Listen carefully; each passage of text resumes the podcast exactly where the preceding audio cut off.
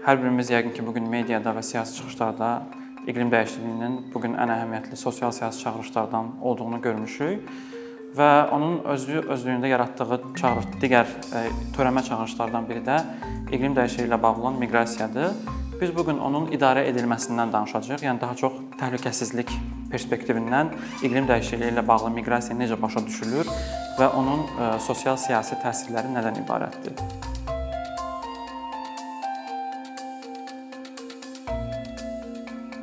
Ümumilikdə iqlim dəyişikliyi ilə bağlı miqrasiyanın ilk öncə tərifindən başlasaq yəqin ki, daha yaxşı olar. E, iqlim dəyişikliyi ilə bağlı miqrasiyanın e, tərifi e, iqlim dəyişikliyi səbəbindən ətraf mühitdə istər tədrici, istərsə də belə deyək, daha daimi baş verən dəyişikliklər səbəbindən fərdin və yaxud da fərdlər qrupunun istər müvəqqəti, istər daimi, istər könüllü, istər məcburi, istər dövlət daxilində, istərsə də beynəlxalq e, sərhədlər boyunca hərəkətinə deyilir. E, bunun statistikaları ilə bağlı adətən e, problemlərdən biri odur ki, ölçülməsi çətin bir fenomendir. Ona görə adətən istinad olunan məsələlərdən biri də fəlakətlərlə bağlı olan məcburi köçdür. Son olaraq belə deyək, daxili məcburi köçkün köçkünlük halları ilə bağlı monitorinq mərkəzinin bu il çıxan hesabatına görə 2021-ci ildə 38 milyon yeni e, məcburi köç halı dünyada qeydə alınıb ki, onun da 23 milyondan çoxu e, fəlakətlərlə əlaqəli olduğu üzə çıxıb. Və burada əsasən 5 e, ölkə xüsusən Əfqanıstan, Çin, Filippin, Efiopiya və Cənubi Sudan fəlakətlər səbəbindən məcburi köçün ən çox olduğu 5 ölkədir və bir şey də nəzərə almaq lazımdır ki, iqlim dəyişikliyi ilə bağlı miqrasiya daha çox daxili miqrasiya şəklində baş tutur əksər hallarda, nəinki bir ölkədən başqa ölkəyə. Bu məlumatlardan sonra mən istəyirəm kiçicik bu gün haqqında danışacağıq, onun bir növ təsnifatını verək. Birinci danışacağımız məsələ iqlim dəyişikliyi ilə bağlı miqrasiyaya təhlükəsizlik sektorunda olan baxışların tarixi genealogiyasını etməkdir. İkinci məsələ biz bu gün artıq dominant diskurslardan olan, dominant baxışlardan olan davamlılıq konsepsiyası var. Bu ingiliscə resilience adlanır. Bu ingiliscəsini niyə görə deyirəm? Çünki Azərbaycan dilində davamlılıq deyəndə həm də sustainability başa düşülür. Bunlar fərqli terminlərdir. İkinci olaraq artıq bu terminologiyadan danışacağıq və son olaraq da artıq bu belə deyək, davamlılıq paradigmasının yaratdığı siyasi, belə deyək, effektlər nədən ibarətdir, problemlər nədən ibarətdir, bu haqqda danışacağıq. Ümumiyyətlə iqlim dəyişikliyi ilə bağlı miqrasiyanın idarə edilməsində 3 əsas tarixi dövr fərqləndirilir. Bu konsept daha çox 80-ci illərdən etibarən siyasi agendalarda, mediada və bir çox ekoloji aktivist qrupların diskurslarında önə çıxmışdı. İlk dəfə 1985-ci ildə BMT-nin ətraf mühit proqramında Əlhin Navinin tədqiqatında ətraf mühit üzrə qaçqınlar ifadəsindən istifadə olunmuşdu. 80-ci illərin sonunda ümumiyyətlə Norma Myers, Jessica Matthewsun tədqiqatlarında ətraf mühitin dağıntıları ilə bağlı apokaliptik ssenarilər verilmiş və onun gələcəkdə müharibə və miqrasiya kimi fəlakətlərə onların deyimi ilə belə deyək, gətirib çıxaracağı göstərilmişdi. Bu dövrdə əsas baxış iqlim dəyişikliyi ilə bağlı olan miqrasiyaya dövlətin təhlükəsizliyinə hədə olaraq baxılırdı. Belə ki, biz əgər diqqət yetirsək, elə Myers və Kentin adını çəkdik. Onlar 2050-ci ilə qədər 180 milyondan çox fərdin ətraf mühit səbəbindən, ətraf mühitə baş verən dəyişikliklər səbəbindən miqrasiya edəcəyini proqnozlaşdırırdılar və eyni zamanda onlar əhali artımını və ekoloji deqradasiyanın səbəbini məhz insan hərəkətində görürdülər. Və ona görə artıq daha çox güclü təhlükəsizlik belə deyək, tədbirlərini nəzərdə tutan, hətta yeri gəldikdə hərbi müdaxilələri nəzərdə tutan bir məntiq formalaşmışdı ki, iqlim dəyişikliyi ilə bağlı olan miqrasiyaya qarşı bu cür mübarizə aparılsın. Bundan əlavə həmçinin qeyd eləmək lazımdır ki, burada artıq bir çox tədqiqatçılara görə həmçinin müstəmləkəçi məntiq də var idi ki, qlobal şimal adətən ölkələrində diskursda qlobal cənub ölkələri bir növ vəhşiliyin və siviliz, qeyri-sivilizə e, olan e, belə deyək yerlər kimi xarakterizə olunurdu ki, artıq burdan gələn miqrasiyanın e, Qərbin liberal demokratiyalarını məhv edəcəyi və dövlətçiliyinə hədə olacağı yanaşması güclü idi. Gördüyümüz kimi bunu xarakterizə edən iki əsas cəhət var. Birincisi güclü təhlükəsizlik tədbirləri ilə cavab verilməsi məntiqinin olması, digər bir məsələ isə bir səbəbli baxması ekoloji deqradasiya məsələlərinə. İkinci bu artıq 90-cı illərin ortalarından başlayaraq yeni bir konseptual belə deyək, baxış bucağı formalaşdı təhlükəsizlik ekspertləri və professionallar arasında. Bu artıq risk menecmenti məntiqini özündə götürən bir dövr idi. Bu dövrün olmasının belə deyək, yəni birinci dövrdən ikinci dövrə keçidin 3 əsas səbəbi var idi. Birincisi intellektual bir səbəb idi ki, həmin dövrün tədqiqatlarında, empirik tədqiqatlar, nəzəri metodoloji tədqiqatlarda göstərilirdi ki, artıq biz iqlim dəyişikliyi əsaslı miqrasiyaya monokauzal yox, yəni bir səbəbdən ötürü baş verən bir fenomen kimi yox, daha çox belə deyək, inteqrə olunmuş ona çərçivədən baxmalı və çox səbəbli bir hadisə kimi qiymətləndirməliyik. İkinci səbəb 90-cı illərin diskursunda belə deyək, humanitar hərbi müdaxilələrin olması ehtiyacı məsələsinin gündəmə gəlməsi idi ki, artıq həssas qrupların, riskli olan qrupların şərdən qorunması üçün humanitar müdaxilələrin olunması diskursu və üçüncü olaraq isə artıq təhlükəsizlik anlayışının özünün dəyişilməsi 90-cı illərdə insan təhlükəsizliyi paradigması yaranmışdı ki, BMT-nin inkişaf proqramı tərəfindən də bir çox hallarda belə deyək, təbliğ olunan bir paradigmadır. İnsan təhlükəsizliyi artıq fokusu belə deyək, gördüyümüz kimi birinci dövrdə təhlükəsizliyin fokusu dövlət təhlükəsizliyi idi, amma artıq bu dövrdə təhlükəsizliyin fokusu dövlətdən insana dəyişmişdi. Bunun özü ilə gətirdiyi siyasi məsələlər bəs nə idi? İlk öncə qeyd etmək lazımdır ki, insan təhlükəsizliyi paradigmasının məqsədi insanı böhranlardan qorumaqdır, ən sadə şəkildə desək. Və buna inteqrə olunmuş çərçivədən baxmaqdır. Yəni iqlim dəyişikliyi ilə bağlı miqrasiyanın artıq idarə olunmasında belə bir məntiq formalaşır ki, onu yaradan səbəblər nədirsə, sosial-iqtisadi səbəblər nədirsə, onlara qarşı mübarizə aparılmalıdır. Tamamilə təhlükəsizliyə əsaslanan paradigmaya etibar etmək olmaz və ona görə də artıq daha çox inkişaf diskursuna onu gətirmək lazımdır. Burada yaranan digər məsələlərdən biri də o idi ki, insan təhlükəsizliyi paradigmasının özünün içində də fərqli belə deyək, yanaşmanın tərəfdarı olanlar var idi. Onlardan bəziləri belə deyək, bir ölkədən köçü və digər ölkəyə köçü şərtləndirən səbəblərin qarşısını almağa səsləyirdilərsə, digərləri daha struktural dəyişikliklərin tərəfdarı idi. Məsələn, qlobal şimalda istehlak belə deyək, dinamikalarının dəyişməsi, e, qloballaşmaya qarşı mübarizə, e, bundan əlavə dünyanın ekoloji qarşılıqlı asılılıq səviyyəsində e, görülən paradigmaların təbliğ olunması bu kimi yanaşmalar da mövcud idi. Və insan təhlükəsizliyi paradigmasının gətirdiyi məsələlərdən, önəmli məsələlərdən biri də o idi ki, biz hansı hüquqi çərçivə verməliyik iqlim dəyişikliyi ilə bağlı olan miqrantlara. Xüsusən bu dövrdə artıq e, onlara qaçqın statusu verilməlidir ya yox məsələsi gündəmə gəlmişdi. E, məlum olduğu kimi Cenevra konvensiyasında e, şəxslərin qaçqın statusunun verilməsi ilə bağlı spesifik kriteriyalar var. Onlardan biri də odur ki, fərdlər dini, irqi, milliyyət, xüsusi sosial qrupa sahib məxsus olma və xüsusi siyasi fikri olması səbəbindən təqibə məruz qalarsa və digər qeyd etmədiyimiz kriteriyalarda ödənilərsə, bu halda qaçqın statusunun verilməsi məqbul hesab olunur. Gördüyümüz kimi burdakı 5 zəmin arasında ətraf mühit səbəbindən miqrasiya yoxdur. Bu dövrdə adətən müzakirələrdən belə bir çox intellektuallar, siyasətçilər belə bir yanaşma ortaya qoyurdular ki, biz bu paradigmanı dəyişməliyik və artıq qaçqın statusu həm də iqlim dəyişikliyi səbəbindən köç edən şəxslərə də verilməlidir. Bunun təbii ki, çətinlikləri də var idi. Çünki iqlim dəyişikliyi ilə bağlı olan miqrasiyanın heç də sırf ekoloji səbəbləri olmur. Çünki ekoloji hadisələr özü ilə bir çox digər belə deyək, sosial problemləri də gətirdiyi üçün adətən buna qarışıq miqrasiya deyilir. Qarışıq miqrasiya fonu olduğu üçün onun sırf ekoloji səbəblərdən köç etməsini müəyyənləşdirmək çətin olur.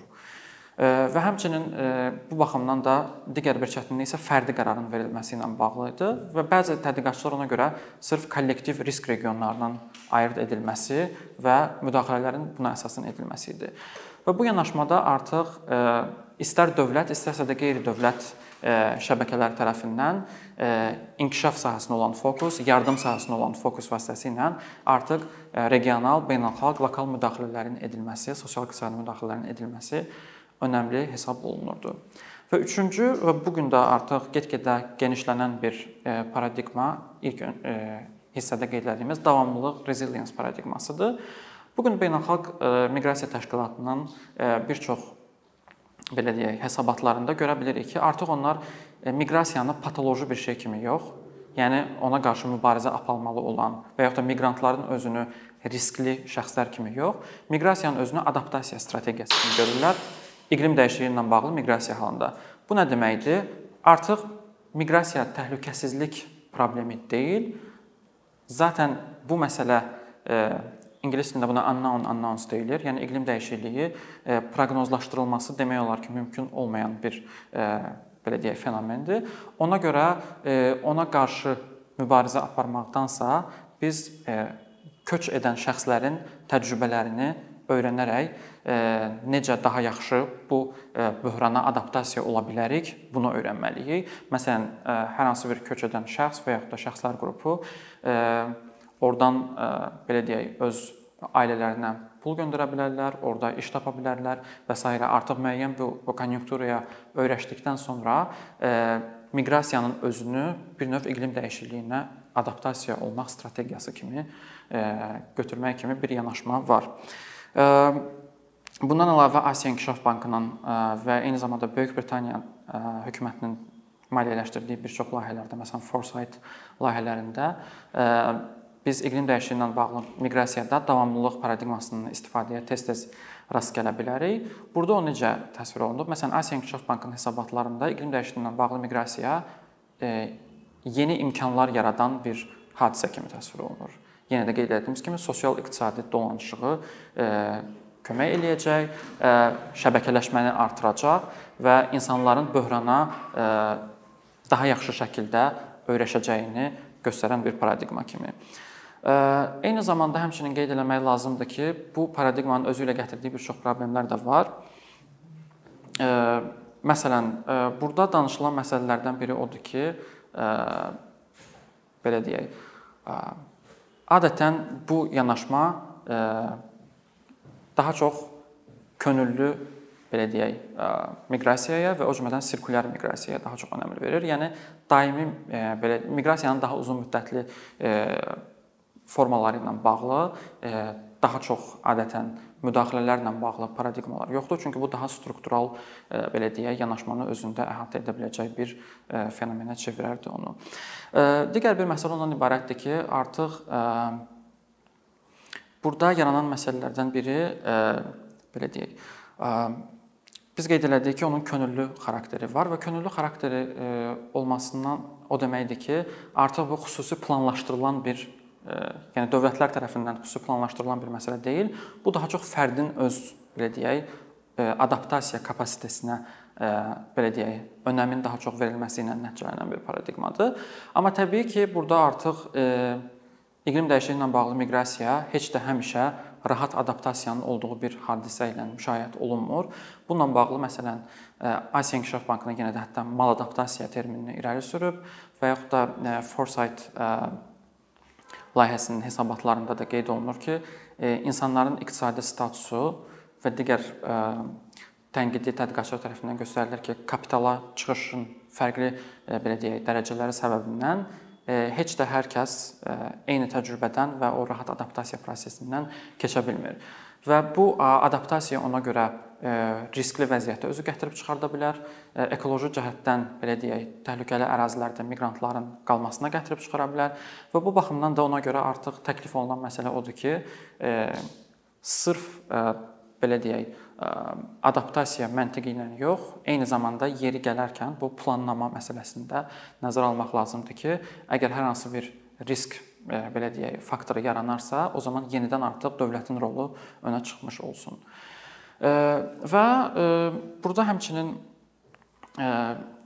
bu mən davamlılıq terminini qeyd elədim. Davamlılıq terminini hal-hazırda mən sizə istəyirəm ki, təqdim eləyim.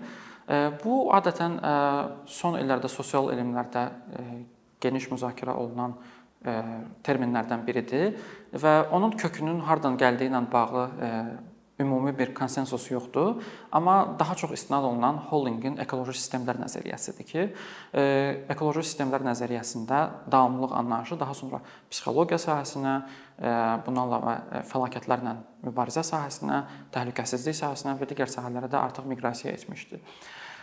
Holling özü davamlılığın iki əsas forması arasında fərq qoyurdu. Bunlardan biri mühəndislik perspektivindən olan davamlılıq anlayışı idi. Bu o deməkdir ki, sistemdə hər hansı bir böhran baş verərsə, xaricdən sistemin məqsədi bu böhranlara davam gətirərək ekvilibrium vəziyyətinə qayıtmalıdır. Yəni böhrandan öncəki vəziyyətə qayıtmalıdır. Bu dünyaya statik bir baxışdır. Yəni hansı vəziyyətdə idinsə çalışıb o vəziyyətdə qalmalısan. Böhran halından sonra da böhrandan əvvəlki vəziyyətə qayıtmalısan. Məsələn, bizim qeyd etdiyimiz ilkin paradigmada hansında ki, dövlət təhlükəsizliyi perspektivindən baxılırdı. Bu məhz mühəndislik perspektivindən olan davamlılığa aiddir. Çünki burada məqsəd odur ki, bir çox belə deyək, qərb ölkələrində bu məsələ o dövrdə onların təhlükəsizliyinə hədd olaraq göstərilir və böhran vəziyyəti olaraq göstərildiyi üçün böhrandan öncəki vəziyyətə qayıtmalı idi. Yəni o miqrasiya ilə qarşı mübarizə aparmalı idi təhlükəsizlik tədbirlərini irəli sürərək. İkinci Hollingin termini isə ekoloji perspektivdən olan davamlılıq və ya ekoloji davamlılıq deyilir buna. Ekoloji davamlılıq isə ekvilibrium yanaşmasından imtina eləyir. Yəni sistemdə hər hansı bir böhran baş verərsə, o statik vəziyyətdə qalmamalıdır. Yəni böhrandan əvvəlki vəziyyətə qayıtmamalıdır. Əksinə o yeni bir fundamental olaraq yeni yox, amma özünün əsas belə deyək, münasibətlərini saxlayaraq yeni bir vəziyyətə qədəm qoymalıdır. Məsələn, bizim gördüyümüz insan təhlükəsizliyi yanaşmasının bura aid etmək olar. İnsan təhlükəsizliyi yanaşmasında adətən belə deyək, böhranın sorğulanması yox idi. Burada da yəni insan təhlükəsizliyi yanaşmasında göstərilir ki, insan iqlim dəyişikliyindən qorunmalıdır. Və ona görə də iqlim dəyişikliyi böhran olaraq burada qəbul olunurdu. Sadəcə onu dövlət təhlükəsizliyi tədbirləri yox, artıq müəyyən o şəraitləri, sosial-iqtisadi müdaxilələri edərək dəyişmək nəzərdə alınmışdı. Və gördüyümüz kimi bu iki yanaşmada böhrana qarşı antagonist bir münasibət var. Yəni böhran ona qarşı mübarizə olunmalı olan bir fenomen kimi qeyd olunur. Bu davamlılıq termini amma sosial elmlərə miqrasiya etdikdən sonra sosio-ekoloji davamlılıq termini yaranmışdı. Buna transformativ davamlılıq da deyilir. Hansı ki, bugünkü adaptasiya məsələsi də ona aiddir. Artıq bu o deməkdir ki, böhran halından sonra böhrana qarşı mübarizə aparmaq əvəzinə bu belə deyək, yanaşma böhrana qarşı pozitiv reaksiya Yəni böhranı e, xoş qarşılamaq lazımdır, nəinki ona qarşı mübarizə aparmaq lazımdır. Və burada əsas məsələlərdən biri də odur ki, e, ilk iki paradigmada e, sistem sistemə xaricdən gələn hər hansı bir hədənin qarşısının alınmasının vacibliyi vurğulanır. Amma bu yanaşmada artıq belə deyək, sistemlə mühit arasında dixotomiya aradan qaldırılır. Bu nə deməkdir? Yəni artıq daxili daxilə xaricdən böhran gəlir yanaşması əvəzinə e, bütün hər şey davamlı olaraq bir-birindən qarşılıqlı əlaqədədir. Çünki buna münasibətçil ontologiya deyilir. E, dünyanı belə deyək, münasibət ekoloji asılılıqdan e, ibarət olan bir paradigmadan gördükləri üçün burada daxili və xarici belə deyək, dediyimiz məkanlar bir-birindən ayrı yox, bir-birinin içinə daxil olmuş, dolaşıq bir vəziyyət kimi təsəvvür olunur. Yəni ona görə artıq bizim özümüzü hər hansı xaricdə baş verən böhrandan qorumağa ehtiyacımız yoxdur. Zaten daxili və xarici dediyimiz məsələlər bir-birinin içindədir. Ona görə burada əsas fokus sağ qalmağadır. Yəni böhrana öyrəşmək, böhrana adaptasiya olmaq məsələsidir. Və burada ona görə ilk iki yanaşmadan fərqli olaraq risk menecment və yaxud da təhlükəsizlikdən fərqli olaraq fərdlərin səlahiyyətləndirilməsinə çox fokus verilir. Yəni fərd özü öyrənməlidir ki, o təcrübələrə vasitəsilə necə iqlim dəyişikliyinə adaptasiya olmalıdır? Bir növ öz-özünün sahibkarı olmalıdır. Yəni ona görə bir çox tədqiqatçılar bunu tənqid edərkən qeyd edirlər ki, bu yanaşma sosial məsuliyyəti aradan qaldıran bir yanaşmadır ki, hər kəsin fərdi şəkildə özünə qayğısını e, belə deyək, daha da çox gücləndirən neoliberal bir yanaşma olduğunu qeyd edirlər.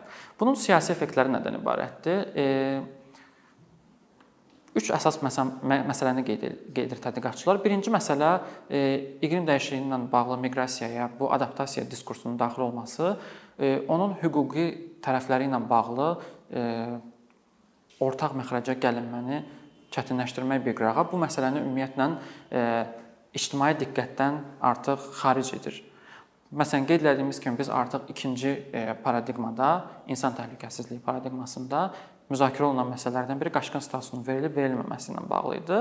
Amma artıq e, adaptasiya diskursu götürüləndən sonra e, burada daha çox fərdin özünə fokus olduğu üçün, fərd özü adaptasiyanı öyrənməli olduğu üçün e, artıq onun belə deyək, hər hansı bir geniş şəkildə regulyasiya olunması statusunun məsələsi demək olar ki, siyasi gündəliklərdən kənarda qalıb və bu məsələ hal-hazırda müzakirə Son illərdə müzakirə olunmağa başlayıb yenə də aktivistlər tərəfindən, amma geniş şəkildə, yəni hökumətlər tərəfindən, beynəlxalq təşkilatlar tərəfindən müzakirə olunmur. Hətta BMT-nin bir çox agentlikləri ekoloji qaçqın, iqlim qaçqınları ifadəsindən istifadə etməməyi məsləhət görür. İkinci bir məsələ odur ki, bayaq dediyimiz punktla əlaqədar olaraq Bir çox tədqiqatçılar qeyd edir ki, artıq adaptasiya diskursu siyasəti məhv edən bir diskursdur. Yəni bizim fokusumuz nədir? Hər dəfə artıq davamlı olaraq bir böhran baş verəcək və biz o böhrana adaptasiya olmalıyıq. Onu struktural olaraq tənqid e, etməklə bağlı demək olar ki, hər hansı bir fəaliyyət bu diskurslarda nəzərdə tutulmayıb.